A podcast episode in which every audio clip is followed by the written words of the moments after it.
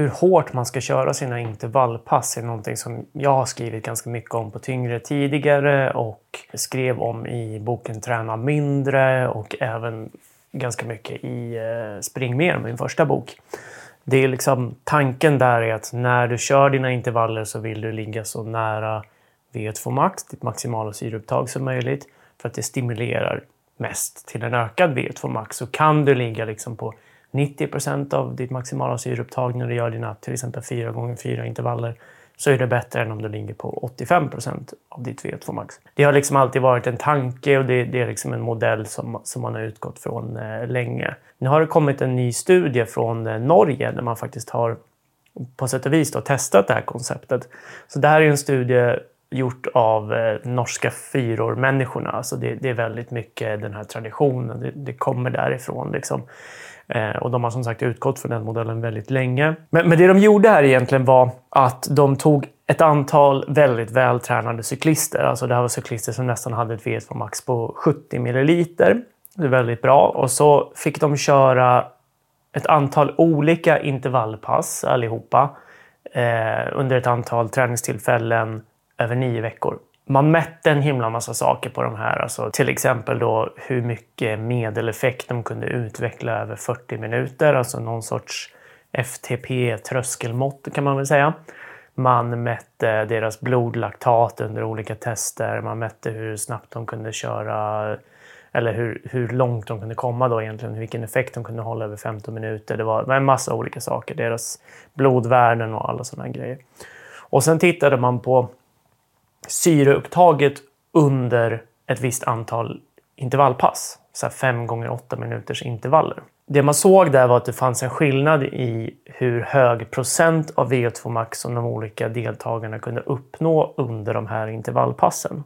Och så delade man upp den här gruppen liksom statistiskt sett i de som kunde uppnå en låg procent av VO2 max och de som kunde uppnå en hög procent av VO2 max.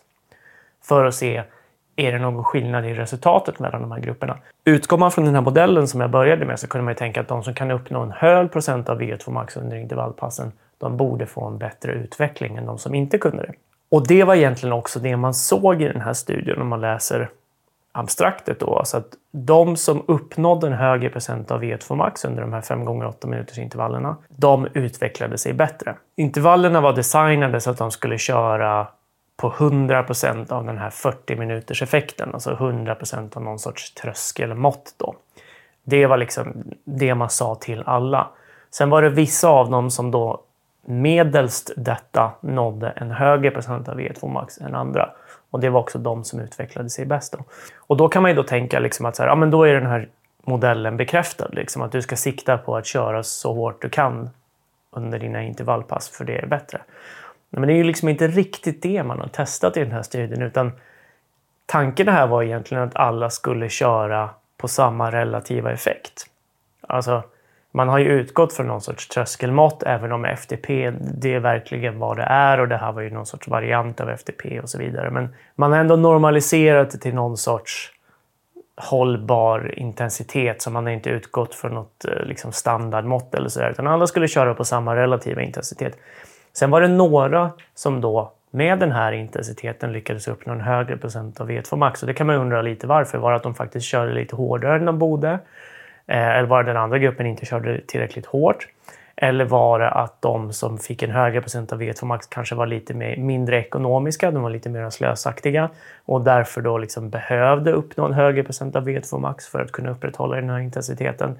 Eller vice versa då var det de här låggruppen som kanske var väldigt ekonomiska, att med den här intensiteten så, så kunde de hålla det på en väldigt låg, eh, ett väldigt lågt syreupptag. Det är lite oklart, men en av grejerna som man såg här när man gjorde såna här baseline-tester i början av studien var att de som kunde uppnå en högre procent av VO2 max när man körde på ett laktatvärde på 4 millimol, som är ett annat sätt att mäta tröskel. Så man brukar säga att Ligger du kring 4 millimol, då ligger du någonstans kring den andra tröskeln. Sen, det, det är väldigt, liksom, väldigt eh, formulariskt, men, men det är liksom ett ungefärligt mått på den andra tröskeln. Då. Så de som hade liksom en högre procent av E2 max vid sin andra tröskel, de kunde också uppnå en högre procent av E2 max under de här intervallpassen. Och det säger ju då någonting kanske om att De som kunde jobba hårdare under intervallpassen, de gjorde det och därför fick de mer nytta av det. De som inte kunde jobba lika hårt under intervallpassen därför att de hade en lägre andra tröskel, de var tvungna att backa av lite och då kunde de utveckla sig mindre. Så då kan man egentligen säga att det man testade här var liksom vilken träning ska man ge personer i olika skeden av deras utveckling till exempel. Så de som behövde öka sin tröskel, de kanske borde ha gjort det istället för att försöka att maxa sin tröskel. Liksom. Det här är liksom den här grejen att man måste träna låg och medelintensivt för att kunna få ut det mesta av sin högintensiva träning. Börjar du med den högintensiva träningen så kommer du få bra resultat. Jag har skrivit en hel bok om det här. Men för att få ut maximalt av din kropp så måste du liksom höja din tröskel för att det som du gör över tröskeln ska bli tillräckligt högt för att du ska liksom utvecklas optimalt. Och det var väl det som de här personerna som var i den här låga gruppen inte riktigt gjorde. De kunde inte utvecklas optimalt för att deras andra tröskel var lite för låg då, helt enkelt. Det är min takeaway från det här. Sen är en annan takeaway då är liksom det här med ska man sikta på att köra så hårt som möjligt? Ibland ska man göra det. Men man kan ju tänka sig själv att om du ska köra kanske två sådana här högintensiva intervallpass varje vecka om du är riktigt ambitiös Eh, då kommer det bli väldigt jobbigt om du liksom ska se Gud både måndag och torsdag till exempel. Alltså, du, du kommer bli jävligt sliten av det. Ibland är det kanske bättre att bara köra tillräckligt bra. Det man har sett eh, i andra studier är liksom att det som kan förklara resultatet på när man ska köra typ ett halvmaraton eller något liknande i väldigt stor utsträckning kommer det ner till konsekvens. Alltså hur konsekvent är du med din träning? Vilken kontinuitet har du?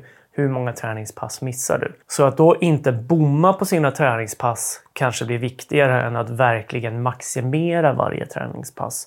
Så vet du liksom att ja, men, ja, jag ska ligga över min andra tröskel när jag kör de här intervallerna eller på 100% av tröskeln som i det här fallet då.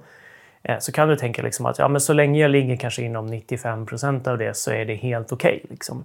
Det kanske inte blir helt optimalt för just det här passet. Men på sikt så spelar det större roll att jag faktiskt genomför alla pass än att alla pass blir genomförda till perfektion. Liksom. Sen betyder inte det att man ska slarva. Man måste givetvis anstränga sig när man kör hård träning. Men det viktiga är kanske liksom inte att du hela tiden ska ligga på max utan att du, att du faktiskt gör passen med någonting som kan kallas för god kvalitet. Liksom. Så ganska spännande studie, men jag tror att gräver man lite på ytan och egentligen är det alltid så här när man tittar på enskilda variabler. Så kan man säga till exempel i den här studien så såg man att det här med att kunna utnyttja en hög procent av VO2 max vid intervallerna, det förklarade egentligen bara 50 procent av att man utvecklade sig bättre på det sättet. Då finns det ju 50 procent mer som liksom inte förklaras av det här. Alltså, det kan ju vara massa olika saker. Liksom. Det, det, kan vara dagsform, det kan vara psykologi, det kan vara nutrition, det kan vara hit och dit. Liksom. Så att Absolut, det finns saker som man kan skruva på men man får liksom inte glömma den stora bilden. Utan det här är sånt som, som hjälper en kanske att förstå fysiologi bättre i första hand. Och i andra hand kanske i vissa fall så kan man skruva lite på träningen och verkligen ta i när man har möjlighet att göra det. Och då vet du att liksom, ja, men det är troligen bättre att köra lite hårdare här för då kommer jag utvecklas mer. Om jag har kapacitet att göra det. Och det är liksom den sista delen i det där. Nu är den här tillbaks på tyngre. Det finns eh, ett antal ex där nu att köpa. Eh, jag har några ex kvar, den här och kanske fem sex stycken till. Så är man intresserad av signerat ex så kan man höra av sig till mig. Annars kan man surfa in på tyngre.se och söka på Tyra. Så kommer man hitta Tyra-tankarna. Min eh, barnbok riktad till eh, ungefär 3 till 6-åringar. Det var allt för idag. Vi ses och hörs när vi gör det.